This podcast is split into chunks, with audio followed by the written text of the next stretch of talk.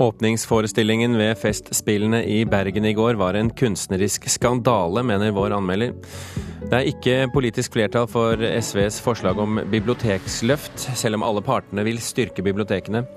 Og vår kommentator i Cannes fikk seg en ny favorittfilm i går kveld. Du hører på Kulturnytt med Birger Kolsrud Jåsund i studio. Vi skal til Bergen.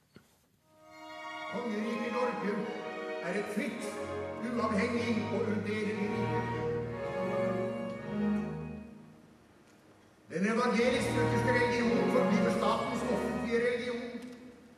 Jesuitter og munkeordener må ikke tåles. Jøder er fremdeles utelukkede fra adgang til. Her hører vi fra åpningsforestillingen ved Festspillene i Bergen i går kveld verket 'Stemmer' av den britiske komponisten Orlando, eh, Orlando Guff.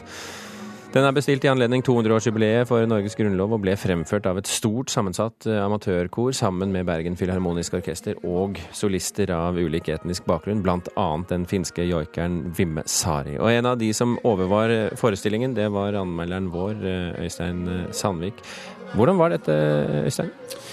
Du, dette var en eh, meget selsom og problematisk eh, forestilling, etter min mening. Eh, komponist Orlando Goff har valgt et underlig konsept som fremstår som en blanding av historietime og propaganda.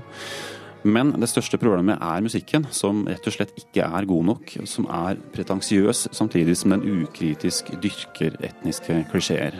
Når, når du sier blanding av historietime og propaganda, hva mener du da? Altså, denne forestillingen ligner mest på en enormt påkostet powerpoint-presentasjon. Eh, og det komponisten har gjort, er å ta for seg sentrale begivenheter i verdenshistorien etter 1814, altså etter den norske grunnloven, som handler om frigjørings- og rettighetskamp, de britiske suffragettene, opprettelsen av Israel, Indias kamp for løsrivelse fra britisk kolonistyre, kampen mot apartheid i Sør-Afrika, før det da ender opp med den enda, enda uløste Israel-Palestina-konflikten. Og Konkret så har Goff satt musikk til, og til dels da resitasjon av politiske taler av figurer som Gina Krog, Gandhi, Mandela, Itzhak Rabin og andre sentrale politiske figurer som har da stått for undertrykkelse eller frigjøring. Um, og da har vi det, dette som jeg kaller denne powerpoint-presentasjonen, altså en stor uh, en videoprojeksjon på et baklerret, hvor det da f.eks. står 1948, Sør-Afrika, apartheid. Eh, og Det gjør jo at dette fremstår som en historietime. Da skjønner vi selvfølgelig at nå skal det handle om 1948, Sør-Afrika, apartheid. Og så er dette dramatisert da, med sangere med ulike etnisk bakgrunn som gestalter da, disse skikkelsene, som f.eks. Gandhi og Mandela. Og Vi kan høre litt fra den låta når eh, Nelson Mandela synger i denne forestillingen.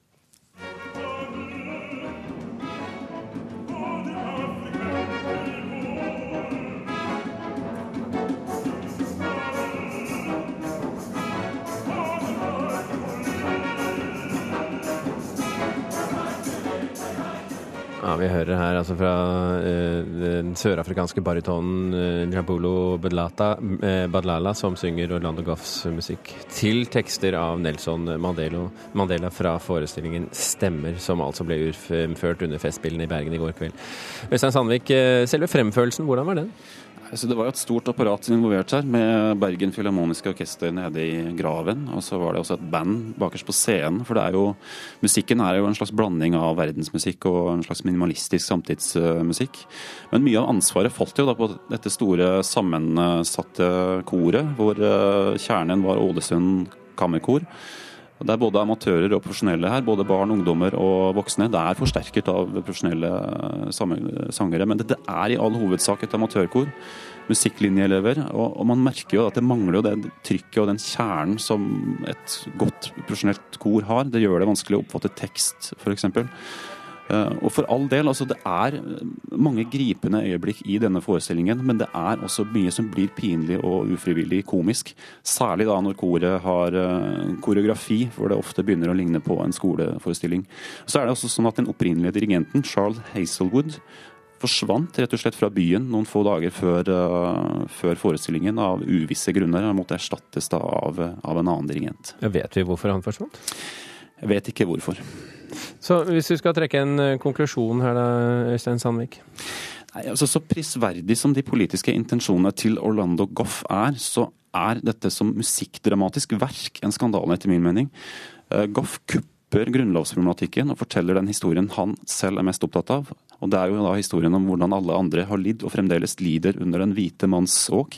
Det er en viktig historie, men dette blir problematisk og paradoksalt når komponisten uten et snev av refleksjon og distanse forsyner seg av etniske, musikalske klisjeer og setter sitt eget navn på dem. Og hvor flotte sangere av ulik bakgrunn blir, etter min mening, litt statister i komponistens egne selviscenesettelse på den høye moralske hest. Vi skal høre litt til slutt også, Øystein Sandvik. Hva, hva har du plukket ut for oss? Altså Dette kulminerer jo da i en visjon for en ny grunnlov, hvor det bl.a. heter at eh, sitat, alle skal ha de samme rettigheter uansett farge, kjønn eller seksualitet. Det er helt hjertens enig i. Sannsynligvis alle i Grieghallen også, eh, men dette blir jo selvfølgelig ekstra overbevisende når disse relativt prosaiske ordene synges av et barnekor.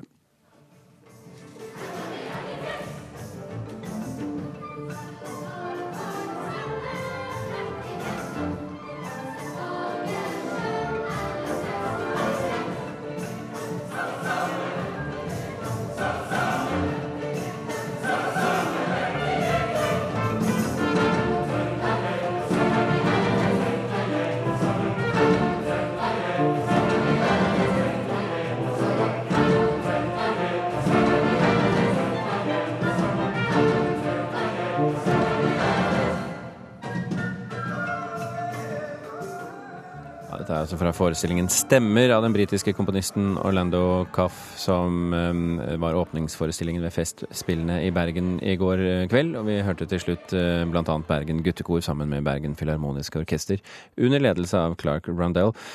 Forestillingen ble anmeldt av Øystein Sandvik, og heller ikke VG er særlig begeistret for åpningskonserten. Under overskriften 'Banal frihetskamp' gir avisen terningkast tre og skriver litt for ofte blir musikken for kjedelig og scenebildet for klisjétungt, av og til er det pinlig.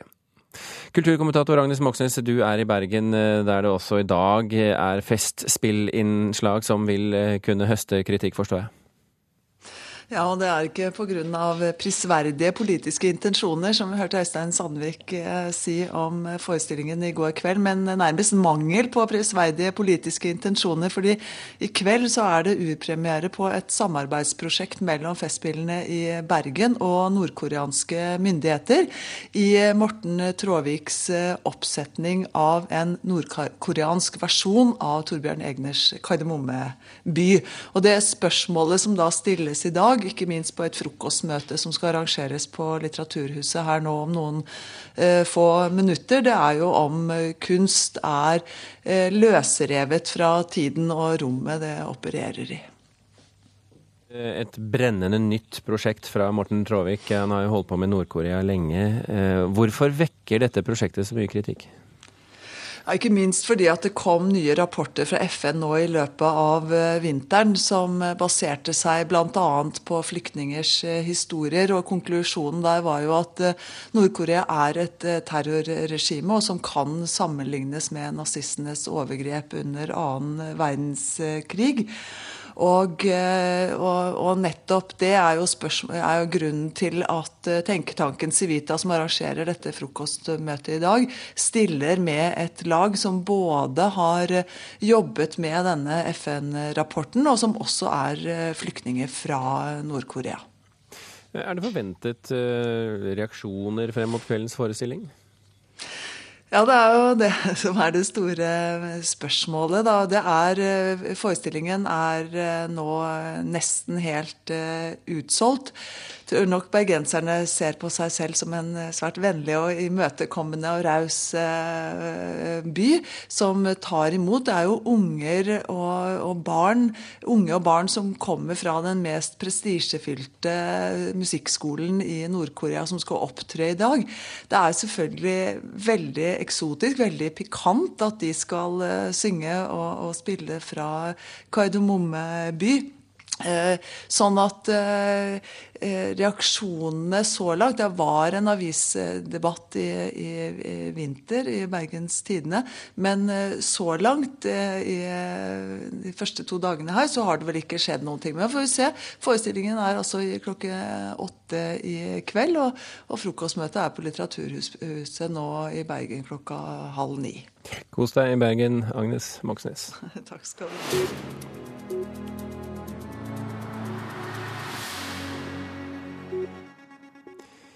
Det er eh, ikke politisk flertall for eh, SVs forslag om bibliotekløft, til tross for at alle partiene på Stortinget vil styrke folkebibliotekene.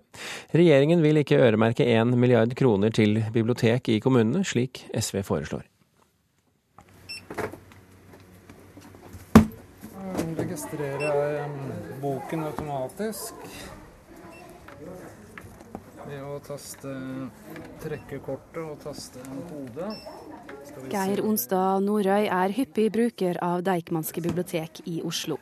Og han er positiv til SVs nye forslag om å øremerke en milliard kroner til drift av folkebibliotekene over fem år. Absolutt, det syns jeg er helt Det trengs.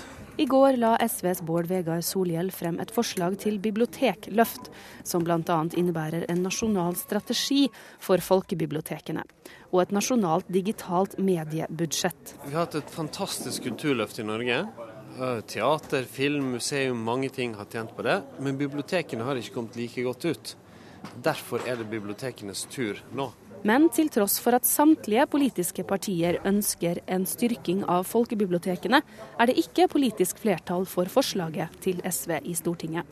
Høyre og Frp sier de vil styrke folkebibliotekene, men ikke øremerke penger til kommunene, sier Kårstein Løvaas i Høyre i en debatt om saken under litteraturfestivalen på Lillehammer i går. I det øyeblikket du øremerker de bevilgningene, så forsterker du samtidig, mener vi, da, inntrykket av at, eh, at, kultur er en salderingspost eh, lokalt. Og vi er jo eh, også, som dere sikkert vet, prinsipielt skeptiske til øremerking. Vi tror jo da her på det lokale selvstyret. Vi må passe på at ikke det ikke blir en sånn svartmaling av hvordan det står til, for det står veldig bra til med veldig mange biblioteker rundt omkring i Norge. Det betyr ikke at ikke vi ikke skal gjøre det mye bedre og prøve å lære av de som gjør det best i dag. KrF er også tvilende til øremerking av penger til bibliotek. I Norge er folkebibliotekene blant de aller mest brukte kulturinstitusjonene. Men da Enger-utvalget la fram sin kulturutredning i fjor, kom det frem at bibliotekene har vært nedprioritert under den rød-grønne regjeringen. Og når vi nå har kunnskap om at bibliotekene ikke har kommet godt nok ut, så tror jeg mange kan være villige til å bruke den metoden. Det sier SVs Bård Vegar Solhjell, som har tro på at han skal klare å overbevise de andre partiene om at øremerking av penger til bibliotek er en god idé. Jeg har ganske stor tro på det. For biblioteker har heldigvis venner i mange partier. Geir Onstad Nordøy synes det er trist om politikerne ikke blir enige. Politikk er politikk og et vanskelig spill. Reporter her, det var Eirin Venås Sivertsen. Klokken er 16 minutter over åtte. Du hører på Kulturnytt, og dette er eh, toppsakene i Dagsnytt akkurat nå. Det blir ikke så mange kommunesammenslåinger i Norge som det kunne blitt, mener dansk forsker. Han tror den norske reformen er for snill. Høy fart dreper, sier Trygg Trafikk. De er skuffet over at regjeringen øker fartsgrensen til 110 km i timen flere steder. Det er eh, skandaløst at Kjersti Løken Stavrum ikke tar avstand fra Harald Stanghelles praksis. Det sier Kristin Clemet i tenketanken Civita. Det var i går at politisk redaktør i Aftenposten Harald Stanghelle vakte oppsikt med en kommentar der han hinter om at eh, PR-byrået First House har tatt på seg å sverte Torbjørn Jagland og Nobelkomiteen på vegne av kinesiske interesser. First House tilbakeviser eh, disse påstandene, og i kronikken hevder Stanghelle at han har informasjonen fra gode, men ubekreftede det rykter. Jeg eh, tror ikke at man skal legge så mye i den formuleringen eh, og, og, tolke den som et rykte som det løse ryktet. Eh, men, eh, men, jeg forutsetter eh, at, og det fremkommer jo også i eh, kommentaren, at det er kilder. Det sa generalsekretær i Norsk Presseforbund Kjersti Løken Stavrum i debattprogrammet Aktuelt på NRK1 i går. Nå reagerer leder i tankesmia Civita, Kristin Clemet. Og slik jeg forsto Kjersti Løken Stavrum I går i debattprogrammet Aktuelt så var, ikke, var, hun ikke klar på at hun eh, rett og slett kunne ta avstand fra den typen praksis, og det syns jeg er litt uh, skandaløst. For hun skal jo være en vokter også over presseetikken. Løken Stabrum på sin side sier at hun ikke har forsvart ryktespredning. Jeg forsvarer ikke Stanghelle. Jeg har sagt at jeg ikke leser denne kommentaren som at den krever samtidig imøtegåelse, som er altså et av punktene i, i Vær varsom-plakaten. Det sa altså Kjersti Løken Stavrum. Og Harald Stangels kronikk eh, har altså utløst en debatt om hvor langt kommentarer kan gå i sine eh, karakteristikker. Professor ved Institutt for journalistikk ved Høgskolen i Oslo og Akershus, Kristin Skare Orcheré. Hvorfor har vi egentlig kommentarer i norske medier? Nei, kommentaren har jo en helt egen rolle, og nettopp forskjellen mellom kommentarjournalistikken og nyhetsjournalistikken står helt sentralt her. Man skal ha et større rom eh, når det gjelder kommentaren. Det er en vesensforskjell der hvor man skal ha eh, større mulighet til å gi uttrykk for journalistens egen vurdering av en sak. Så kommentarjournalistikken er som regel mer subjektiv, og rammene for ens egen analyse og fortolkning er videre. Eh, enn i nyhetsjournalistikken, som skal være knyttet nærmere en objektiv eh, journalistrolle. Men hvorfor har vi dette skillet? Så sånn Sjangermessig så ligger da kommentarjournalistikken et sted kan vi si grenselandet mellom den rene nyhetsjournalistikken og politikken. Eh, og nettopp fordi at i hvert fall tidligere og fremdeles så står objektivitetsidealet veldig sentralt i journalistikken, så har det vært viktig å gi eh, kommentatorene, journalistene, et rom hvor de kan eh, fundere, diskutere, fremme teorier og hypoteser, og i større grad da være ha sin egen meningsbærende stemme. Men skiller eh, den norske kommentatortradisjonen seg fra f.eks. Eh, kommentatorer i utlandet? I ja, det, det, gjør det helt tydelig. Eh, vi ser at når det gjelder f.eks. bitende personangrep og knivskarp individkarakteristikk, så i de journalistiske kommentarene så har ikke vi på samme måte tradisjoner for dette i Norge som man har internasjonalt i Europa f.eks. Vi ser at uh, f.eks. i England og Frankrike så er det lange tradisjoner for at de kvasseste og syrligste og spydigste pennene ofte møter respekt og beundring.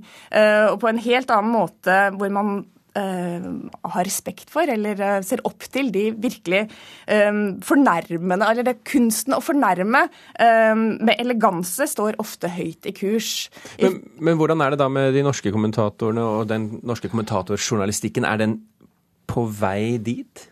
Vi har sett en voldsom vekst av hele dette kommentariatet de siste årene. Og naturlig nok, når eh, vi får nyheter, blir bombardert av nyheter på alle kanaler, alle plattformer hele tiden, så trenger vi flere stemmer som kan sette ting i sammenheng, analysere, trekke tråder og fortelle oss uh, mulige uh, måter dette henger sammen på. Og de beste kommentarene har jo ofte elementer av en velfundert eh, maktkritisk analyse.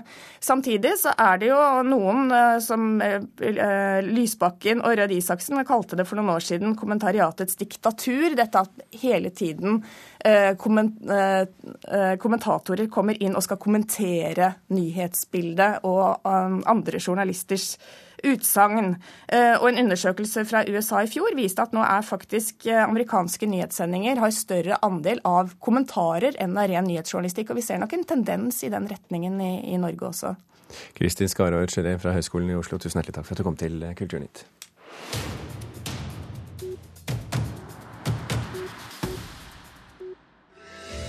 When I experience a masterpiece such as yours, I'm struck by the clarity with which you have captured the moment. Why on earth would he go and do that?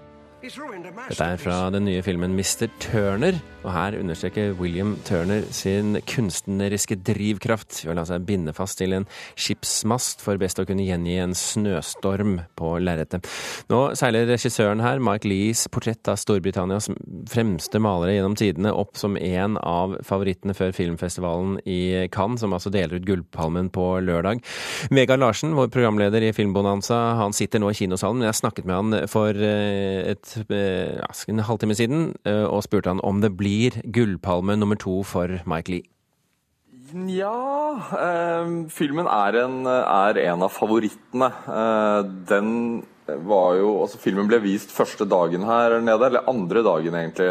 Åpningsfilmen om Grace og Monaco ble vist på åpningen, men den ble vist eh, dag nummer to. Eh, og har lenge vært en, en snakkis. Den scorer veldig høyt på kritikermålinger som blir gjennomført der nede. Men jeg tror ikke den vinner. Det går rykter Vegard Larsen, om at eh, du har eh, sett en film som har fått deg til å eh, hulkegrine som et barn? ja, nei, det er vel litt å overdrive, men, men jeg så Wim Wenders sin dokumentar 'The Salt of the Earth', som er en uhyre sterk dokumentar. Følger fotografen Sebastian Salgado en brasiliansk anerkjent fotograf eh, gjennom hans liv. Eh, bruker veldig mange av hans stills, og hans fotografier er så uhyre sterke og portretterer menneskelig lidelse og død på en horribel måte som gjør at man ikke klarer å se den filmen uten å bli berørt over hvor ond menneskeheten kan være. Så det var en film som fremdeles sitter i meg, egentlig, og som sjokkerte meg litt da jeg så den. Hvis vi ser på favoritter eh, og utfordrere til lørdagens prisutdeling, eh, hva har du merket deg? Ja, eh, Dardenne-brødrene er, er, her med en film som på fransk Eh, heter Du jour une nuit, eller Two Days One Night, eh, hvor Marianne Cotillard spiller en kvinne som holder på å miste jobben i fabrikken hun jobber.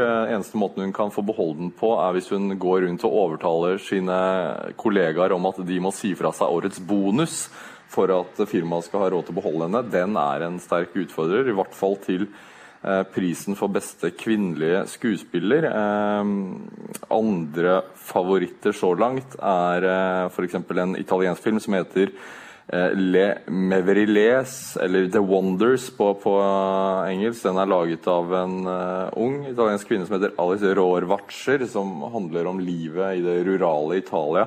Men disse var favorittene mine fram til i går kveld, for da så jeg Xavier Dollans 'Mommy', som handler om en egentlig en mors problemer med å ha kontroll på sin sønn som har sterk ADHD. Det er en herlig lek med filmen som medie. Eh, den er bare så vanvittig godt regissert. Ja, Vi må bryte av Vegard Larsen der. Eh, vi skal også eh, høre og se etter hvert om Foxcatcher, den amerikanske filmen, eh, kan melde seg på i konkurransen om Gullpalmen, og om Norges eget bidrag klarer å komme til topp i kortfilmprogrammet. Det var altså Vegard Larsen som var med oss fra Cannes nå på morgenkvisten. Vi skal ikke slippe helt Cannes ennå, fordi eh, åpningsfilmen forrige uke var denne filmen 'Grace av Monaco'. Den fikk massiv kritikk både av filmanmeldere og av fyrstefamilien selv. Vår anmelder Einar Gullvåg Staalesen mener filmen er som en gulnet ukebladnovelle. Grace av Monaco er gammelmodig. Dermed sier filmen noe om avstand i tid. Det er bra. Men måten det er gjort på, skaper distanse til personen i tillegg. Det er ikke bra. Figurene på lerretet blir på liksom.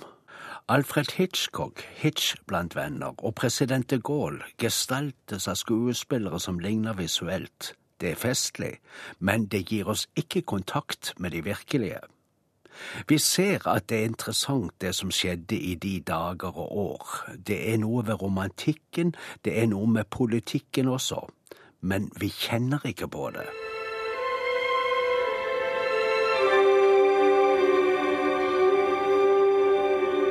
Deler av filmen er badet i musikalsk sukkerlake.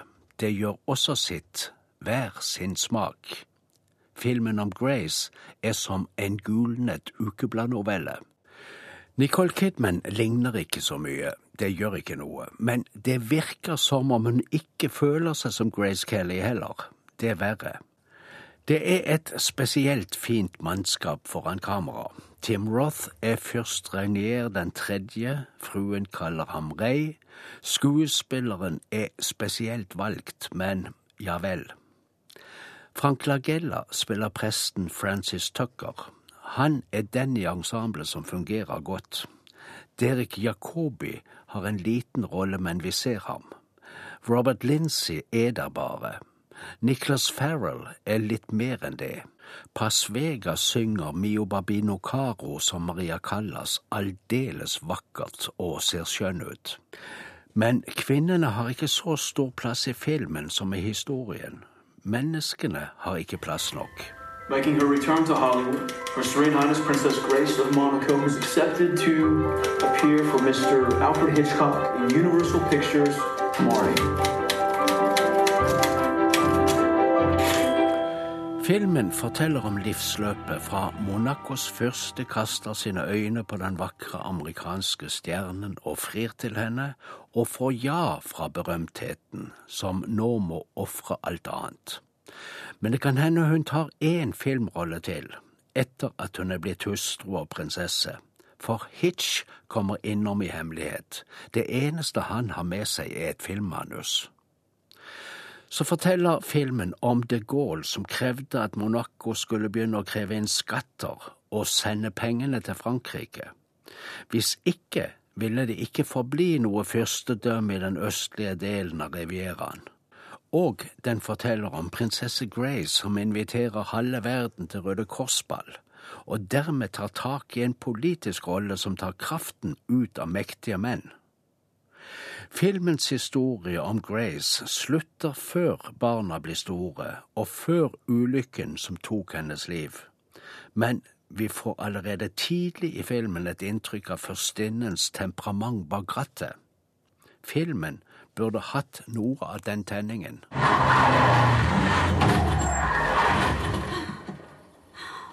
Grace av Monaco var altså åpningsfilmen i Cannes, og er allerede i morgen på kinoer i Norge. Så distributøren og kinosjefene tror i hvert fall på filmens kommersielle potensial. Selv om vår anmelder Einar Gullvåg Staalesen verken tror på filmen eller på skuespillerne.